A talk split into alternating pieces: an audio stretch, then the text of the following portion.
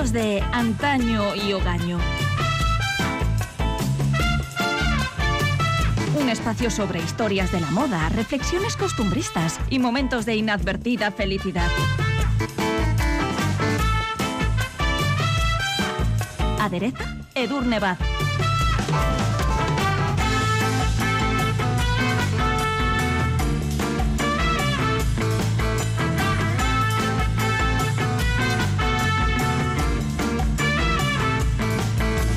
Si en el capítulo anterior nos sumergíamos en la fascinante figura del villano de ficción en general, hoy nos vamos a detener en la figura de la femme fatal en particular.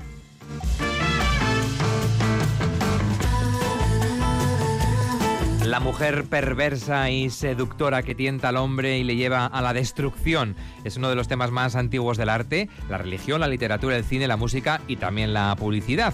Como cualquier villano de ficción, esta femme fatal resulta tan terrible como irresistible. Edurne Baz, hola, ¿qué tal? Hola, muy bien. ¿Cómo es esa mujer fatal? Bueno, tenemos una larguísima lista de adjetivos posibles, pero podríamos pensar en una mujer imperturbable, inteligente, astuta, calculadora y fría, desafiante y peligrosa, de una belleza turbia, inquietante, enigmática y sensual, tremendamente femenina o ambiguamente andrógina. Y muy libre. Muy libre, eso por encima de todo, como veremos. Pero podríamos decir también que más que seducir, la fe fatal hipnotiza. Hoy, en Asuntos de Antaño y Hogaño, emprendemos una ruta guiada por este arquetipo devenido en cliché de la mujer mortífera, que en palabras de la escritora Marta Sanz cautiva y repele, que seduce porque da miedo y da miedo porque es libre hasta la amoralidad. Yo no tengo reglas, Nick. Sigo la corriente.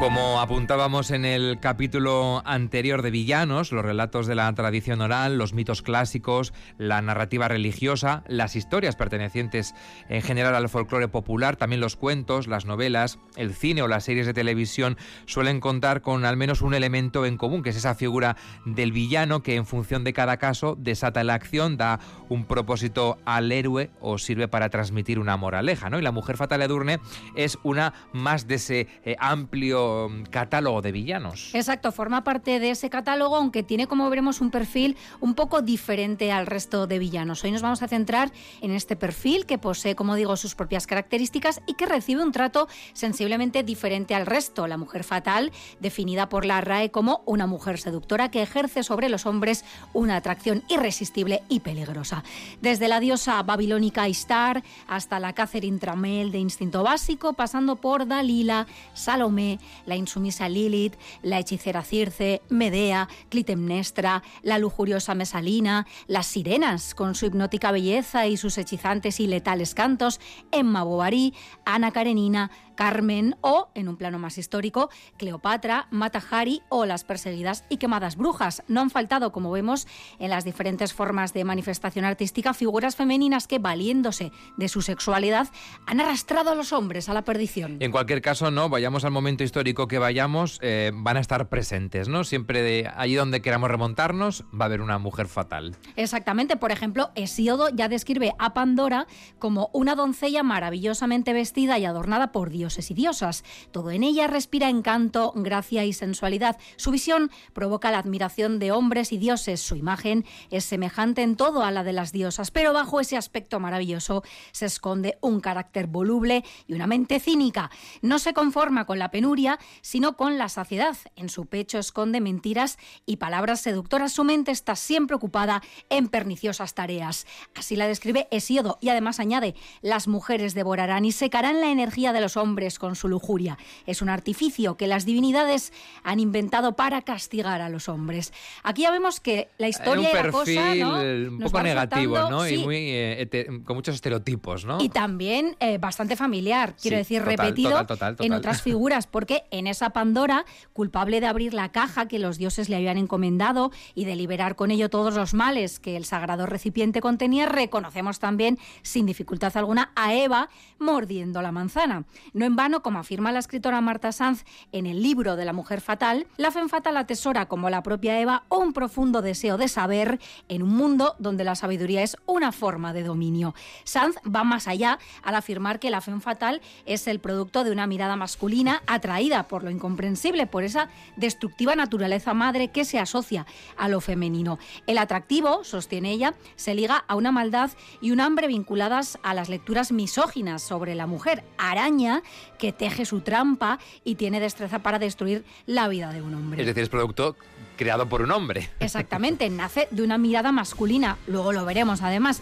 Y esto explica por qué, pese a remontarse, como vemos, mucho atrás en el tiempo, ¿no? Siempre ha estado ahí presente en el imaginario colectivo, el concepto de mujer fatal, como tal, fue acuñado propiamente en el siglo XIX y construido alrededor de todo un repertorio de mujeres míticas. Y la pregunta en este caso es evidente. ¿Qué ocurrió en el siglo XIX para que esa amplia galería de aparentes villanas cristalizaran en este concepto que hoy eh, nos ocupa, el de la fe fatal.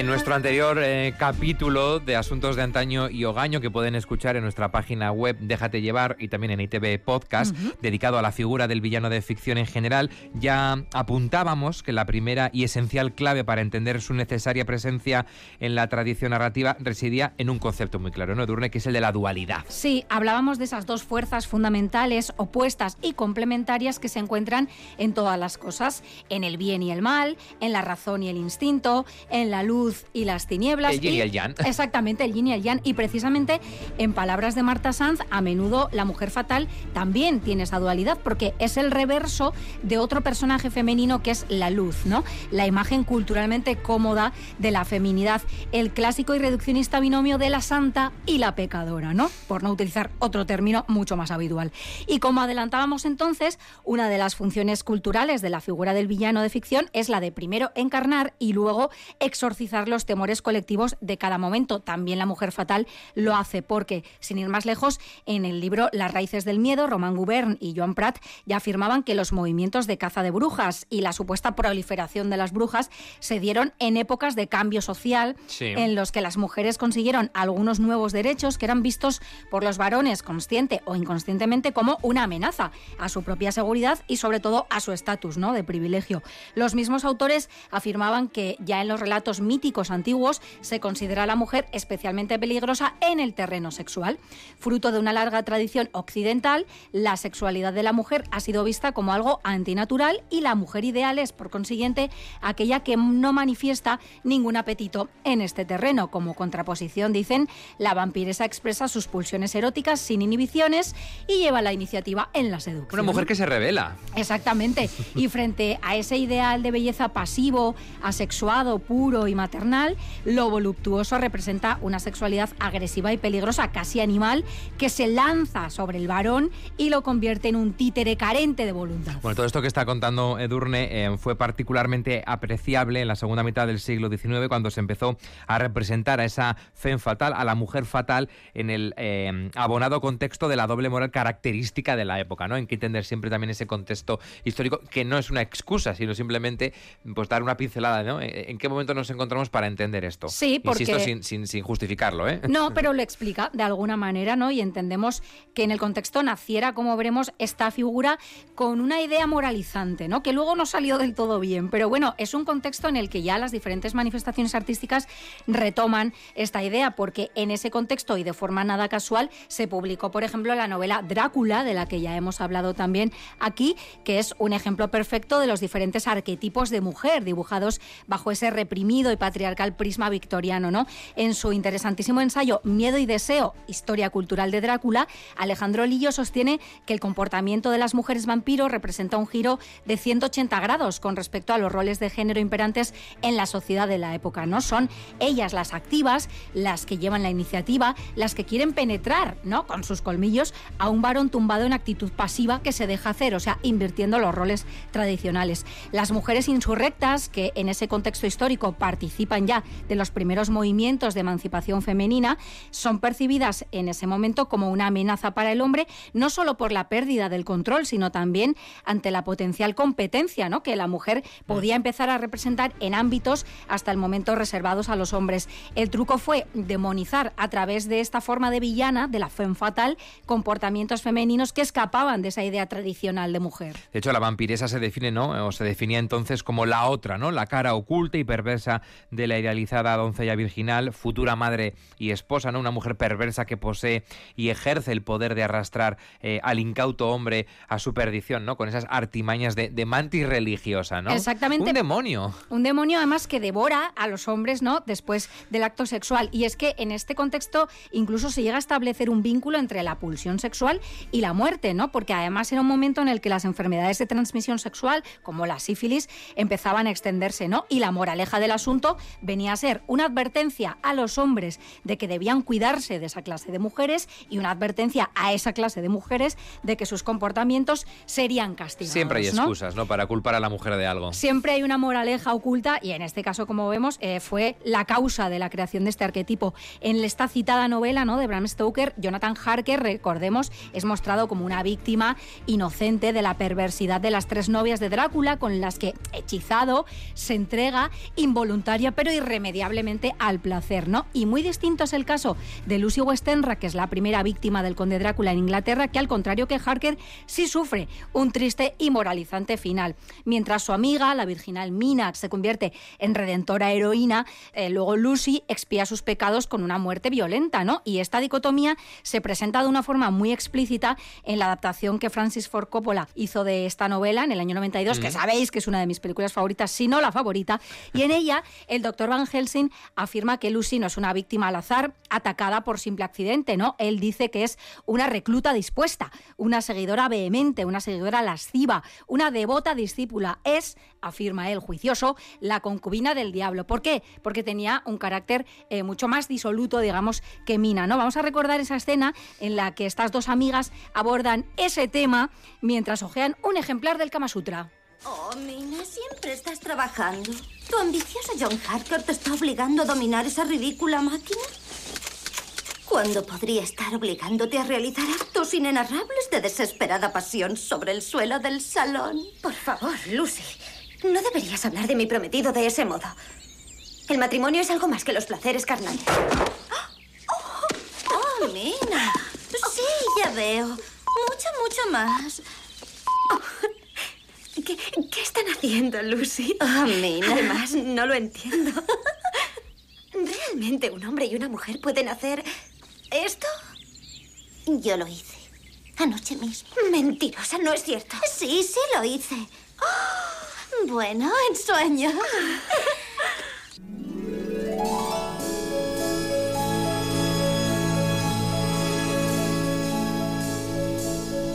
Otro de los grandes momentos de esa película, ¿no? Esa, esa conversación que tienen ambas. Histórico también es el enfrentamiento que se suele hacer entre mujeres, ¿eh? Claro. Eh, que, que, se intenta dibujar la buena y la que es la mala, ¿no? La que va en, Como a, decíamos, contracorriente. la santa y la pecadora, Eso ¿no? es. Bueno, el de la vampiresa y todas sus variantes ha sido un personaje recurrente en las diferentes manifestaciones culturales, desde el arte hasta la publicidad. Nadie eh, escapa, ninguna disciplina escapa a, a esa utilización, ¿no? Eh, también la literatura, la música, el cine en general y el cine negro en particular. Desde luego, en su conquista de espacios tradicionalmente masculinos empezamos a ver cómo la mujer fatal fuma, bebe y da rienda suelta a sus apetitos sexuales. En su libro Rebeldes y peligrosas del cine, María Castejón las define como mujeres bellas y ambiciosas que cigarro en boca y a golpe de melena subvertían el orden establecido y manipulaban a los hombres a su antojo. Misteriosas, ambiguas, elegantes, perversas, adúlteras, fieras y seductoras, la historia del cine cine las ha venerado como diosas al tiempo que las condenaba por desafiar la feminidad tradicional que encarnaban sus antagonistas, las castas y sumisas esposas. El cine mudo introdujo a las primeras vampiresas, encarnadas por iconos como la pionera Cida Vara, la rompedora Louise Brooks, la controvertida Paula Negri o, por supuesto, la siempre magnética Marlene Dietrich. Mujeres libres, tentadoras, misteriosas y enigmáticas que evolucionaron hacia el arquetipo impuesto por el cine negro de la década de los 40, que es el momento de máximo esplendor de la cinematográfica y también literaria mujer fatal, ambiciosa, vengativa, desarraigada y soberbia. Tenemos, por ejemplo, a Rita Hayward, inolvidable en Hilda o en La Dama de Shanghái, a Bette Davis en tantas y tantas ocasiones. Hombre, es que ella no puede faltar la gran en esta villana lista. también, ¿eh? En muchas películas. Y por supuesto, Barbara Stanwyck, que es como el máximo exponente de la mujer fatal, ¿no? En Perdición. Lana Turner, en El cartero siempre llama dos veces, Ava Gardner, en Forajidos, la vertiginosa Kim Novak o Jean Tierney y su memorable Laura, pues fueron actrices todas que destacaron por su mirada incisiva, sus prendas evocadoras, su perfidia, su aura maldita y su habilidad para retorcer las palabras y jugar ingeniosamente con los dobles sentidos y las metáforas sexuales, porque además eran tiempos de censura, ¿no? Pensemos y recordemos a la felina y cautivadora Loren Bacall, otra mítica, en El sueño eterno y esta conversación inolvidable. Bueno, eh, hablando de caballos, también a mí me gusta apostar, pero prefiero verles correr un poco primero. Ver si arrancan de salida o desde atrás. Descubrir sus particularidades. Lo que les estimula a correr. ¿Descubrió las mías? Creo que sí. Adelante. Diría que no le gusta que le clasifiquen. Le encanta arrancar fuerte, abrirse camino, tomarse un respiro en la segunda vuelta y volver relajado a casa. Tampoco a usted le gusta que la clasifiquen. No he conocido aún a nadie que lo lograse. ¿Alguna sugerencia? Eh, bueno, no puedo hablar sin haber visto cómo corre usted, al menos un poco. Tiene un toque de clase, pero no sé hasta dónde puede usted llegar. Depende mucho de quién sea el jinete.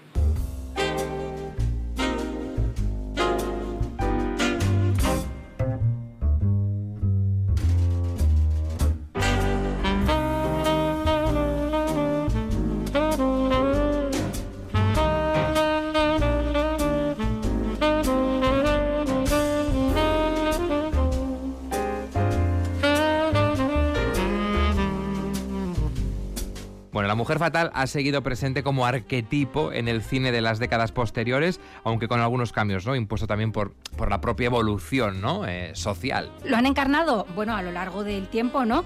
Con sus particulares matices, actrices como Marilyn Monroe, Brigitte Bardot, Faye Dunaway, una gélida Catherine Deneuve, una volcánica Kathleen Turner, una peligrosa Glenn Close y una inteligente también y astuta Sharon Stone. Más geográficamente cercanas, por ejemplo, Victoria Abril y hasta una animada Jessica Rabbit, Uy, cómo sí, no meter a Jessica por Rabbit supuesto. en esta lista, ¿no? Afirma Marta Sanz que desde Eva las mujeres se confunden con las víboras y en efecto hay en la fisonomía y en las actitudes de estas mujeres fatales algo animal, ¿no? Y de hecho en el arte es muy frecuente la presencia junto a mujeres desnudas y en actitud provocativa de serpientes que parecen representar al mismísimo diablo, ¿no? Lo podemos ver en muchos cuadros. Y la muy inteligente Sharon Stone, memorable Catherine Tramell en Instinto Básico, lo sabe muy bien y así se expresaba en el documental de Canal Historia Los grandes villanos de Hollywood. La mala es como una cobra. Su forma de mirar, mira, mira, mira. Ataca. O mira, te seduce. Consigue que no dejes de mirarla. Puede que quieras acercarte un poco más. Acércate un poco más para que pueda besarte. You had plenty money 1922.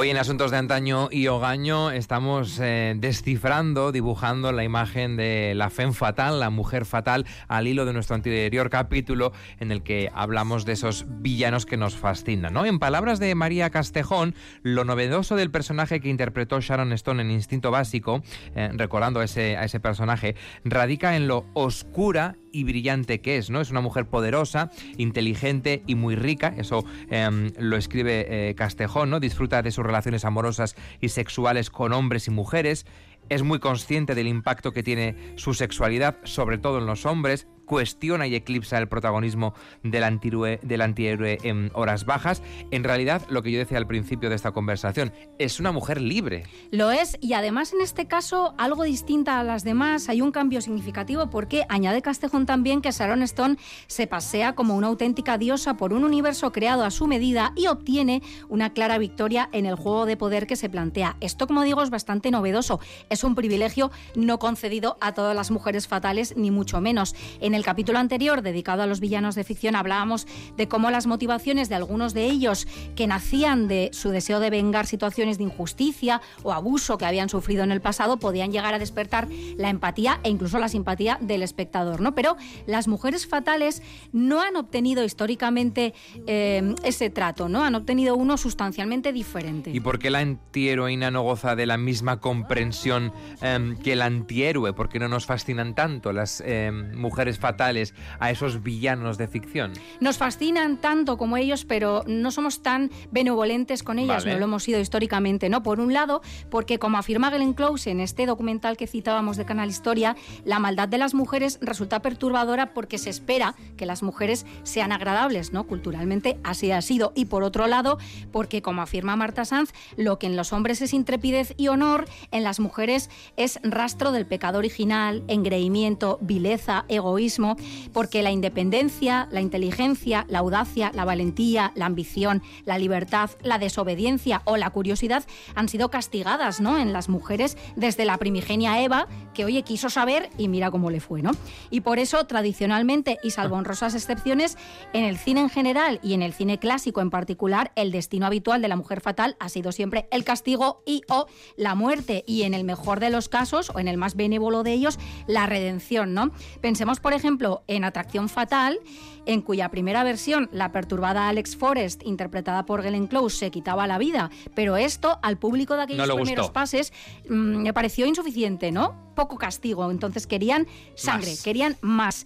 Y lo cambiaron y ya tenemos la versión definitiva en la que es la comprensiva mujer del adúltero, personaje interpretado por Michael Douglas, eh, la que finalmente acaba con ella. Yo no soy mala. Es que me han dibujado así.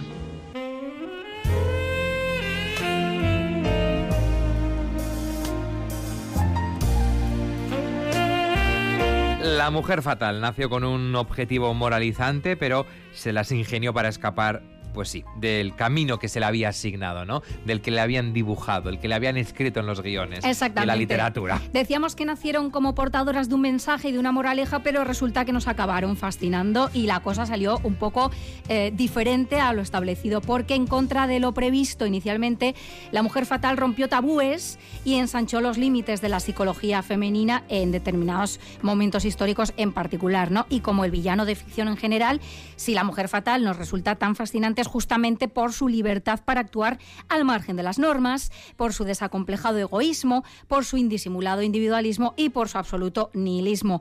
A fin de cuentas, como afirma Marta Sanz, encarna valores de una lucha por la existencia que se mira en el espejo de la competitividad, la masculinidad y el capitalismo. Así que, en otras palabras, o tomando las de la propia Jessica Rabbit a la que escuchábamos, la mujer fatal no es mala, es que la han dibujado así.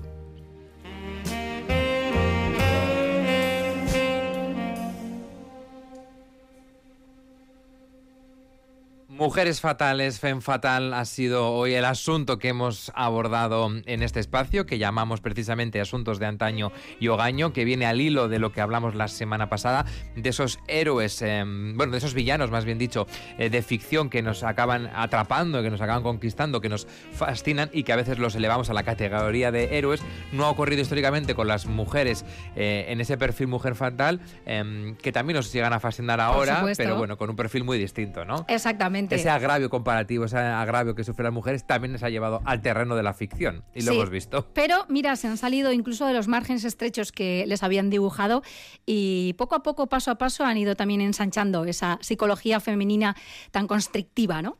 Edu Rebaces, que ricasco. Hasta la próxima semana. Eso, regatica.